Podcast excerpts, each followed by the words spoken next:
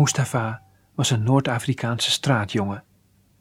Op de avond voor het kerstfeest had hij zijn oude jas gebracht bij een vrouw in een vissershut om als deken te kunnen dienen voor een ziek kind.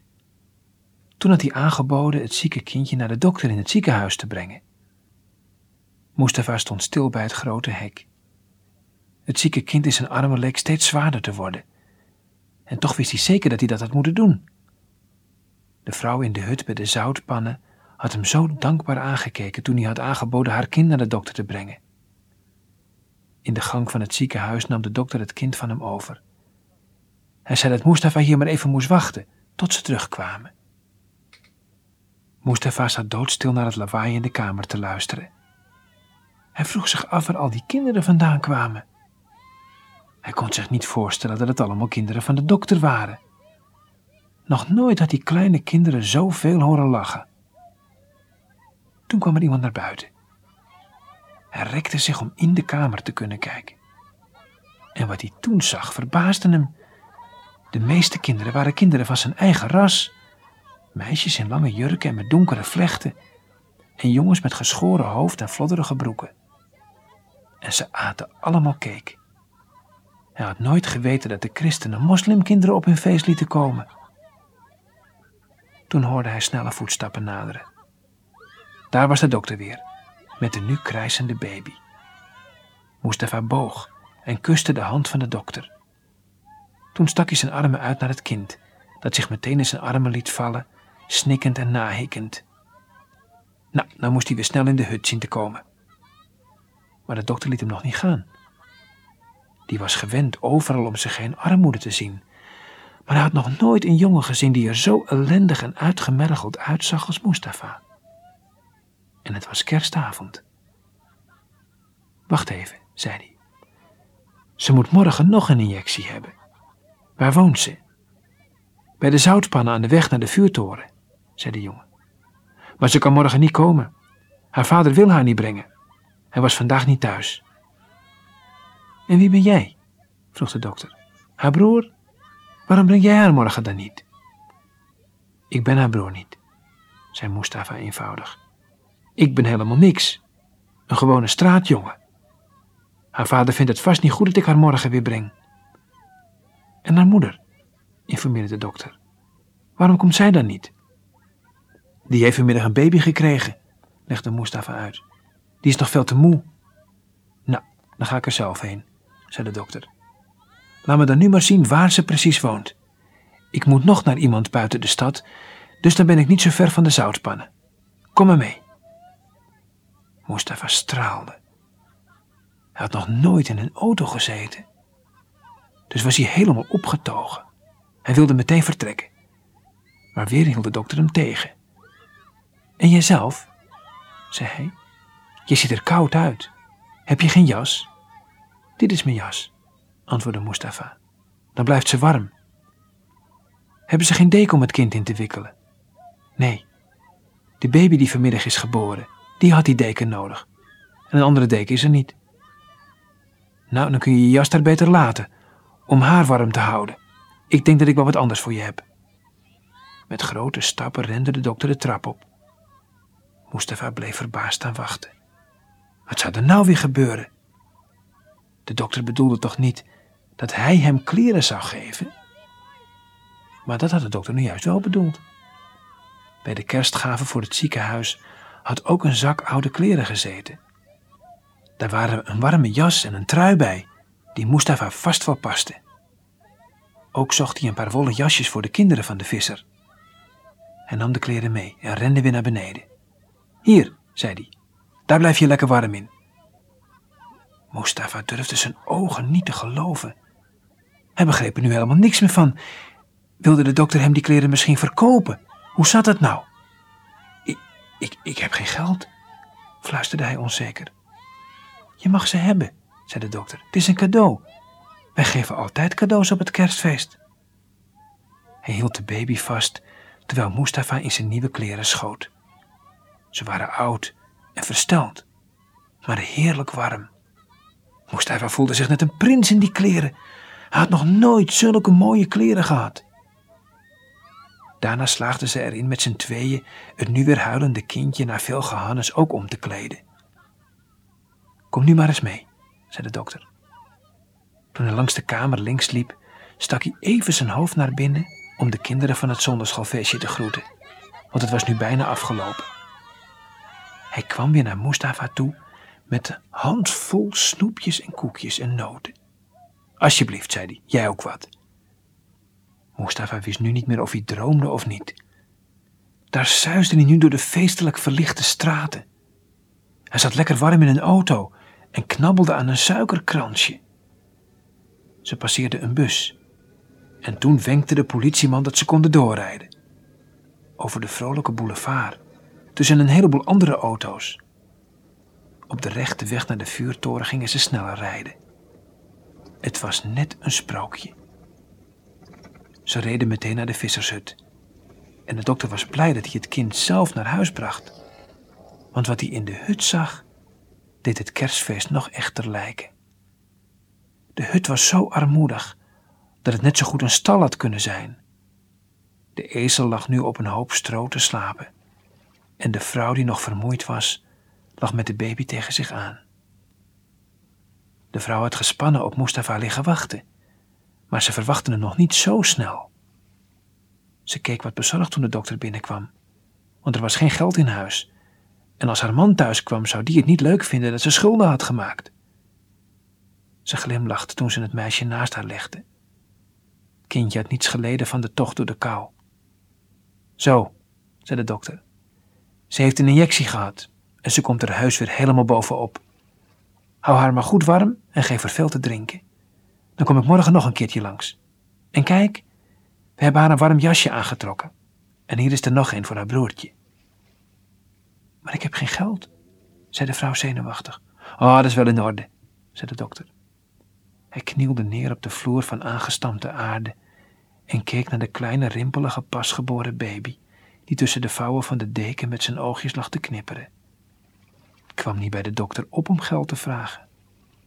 In Bethlehem hoefde immers ook niemand te betalen. Mustafa liep achter de dokter aan naar buiten. Ze liepen bij het licht van een zaklantaarn langs de zoutpannen. Het was al bijna negen uur. En hij wilde graag met de dokter mee terugrijden naar de stad.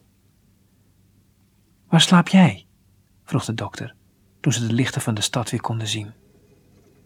De jongen aarzelde even.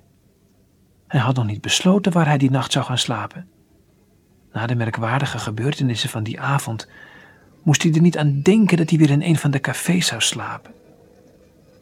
Het drong opeens tot hem door dat hij weer weg moest uit deze nieuwe wereld waarin hij even had geleefd.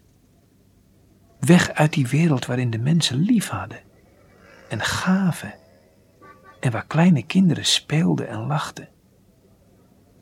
Morgen, zou hij weer moeten stelen en vechten en weggrissen.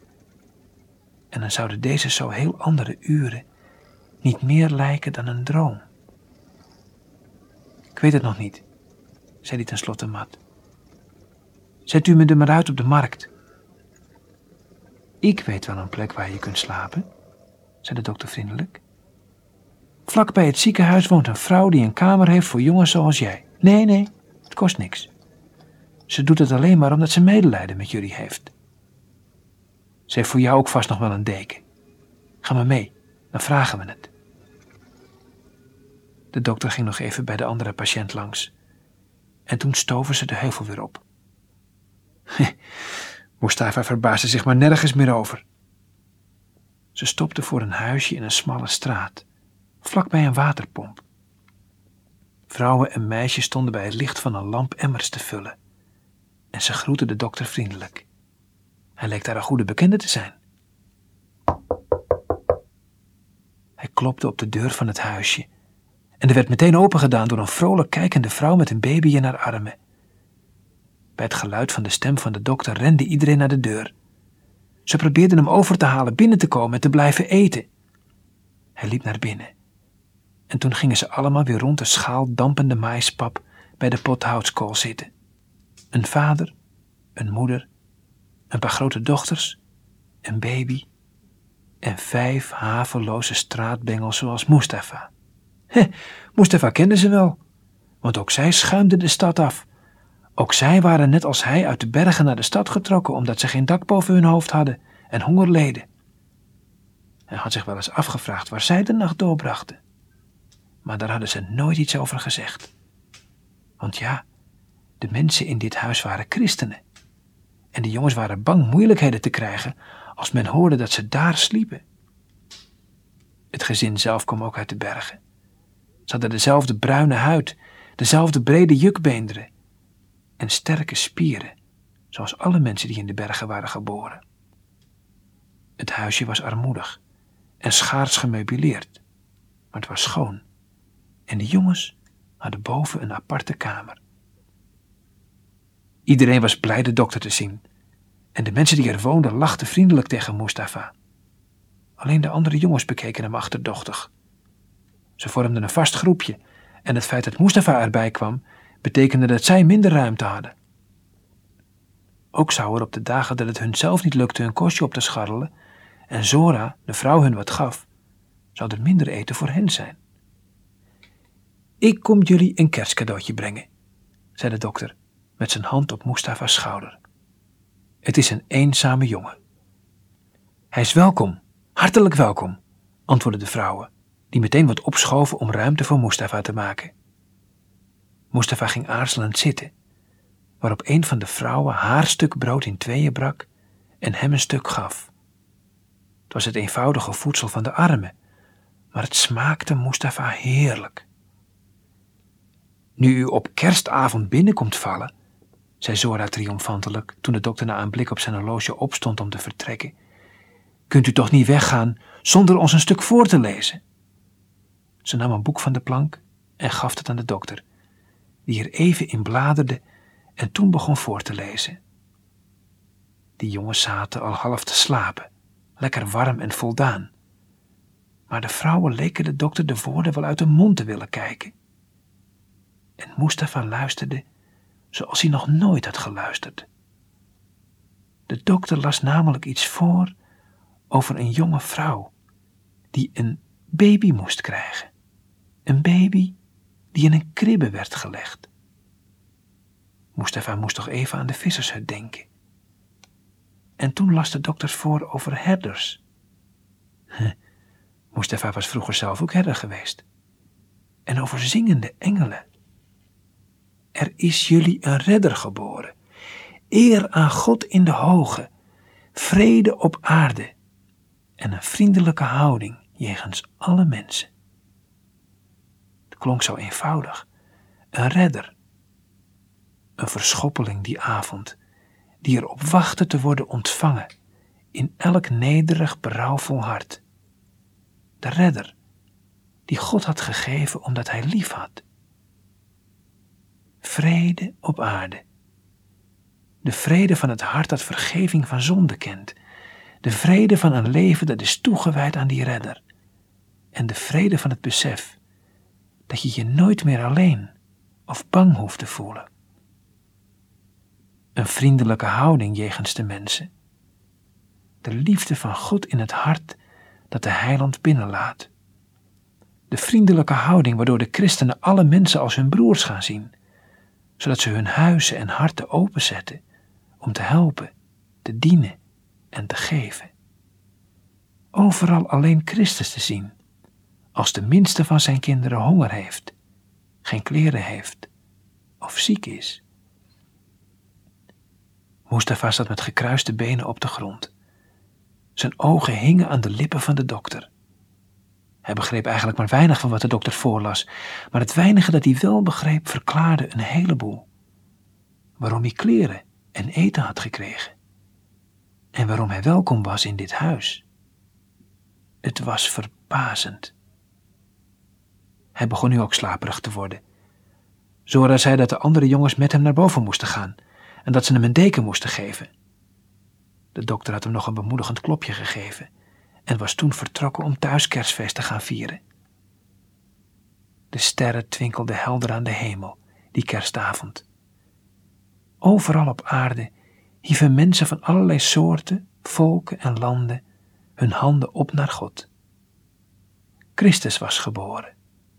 om de armen het evangelie te brengen, verdrietige mensen blij te maken, gevangenen te bevrijden en alle die op een of andere manier gekwetst waren te genezen. En één gekwetste kleine gevangene keerde, half zoekend en half begrijpend, zijn gezicht naar dat licht, terwijl honderden anderen in alle hoeken en gaten van de stad sliepen en wakker werden zoals op alle andere dagen, zonder er iets van te weten of zonder zich er iets van aan te trekken.